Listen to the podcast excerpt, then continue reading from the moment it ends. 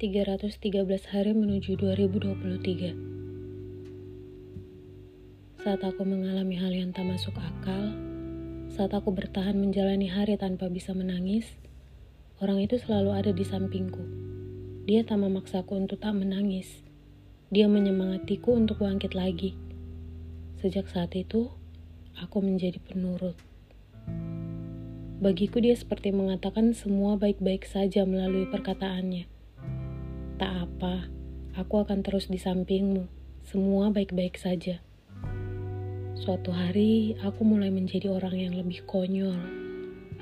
Semua perkataannya seakan terdengar seperti aku menyukaimu di telingaku. Apa menyukai seseorang dianggap gila jika tak bisa berjanji bersama dia selamanya? Bagiku perkataan mengajak berteman berarti kau akan terluka jika ada di sampingku. Jadi pergilah ke tempat yang lebih aman. Namun, sekarang perkataan dia hanya ingin berada di sisimu ada benarnya.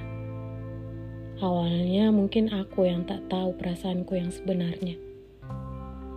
Aku yang tak bisa minum kopi, tak bisa membuang dan tetap meminum kopi pemberiannya.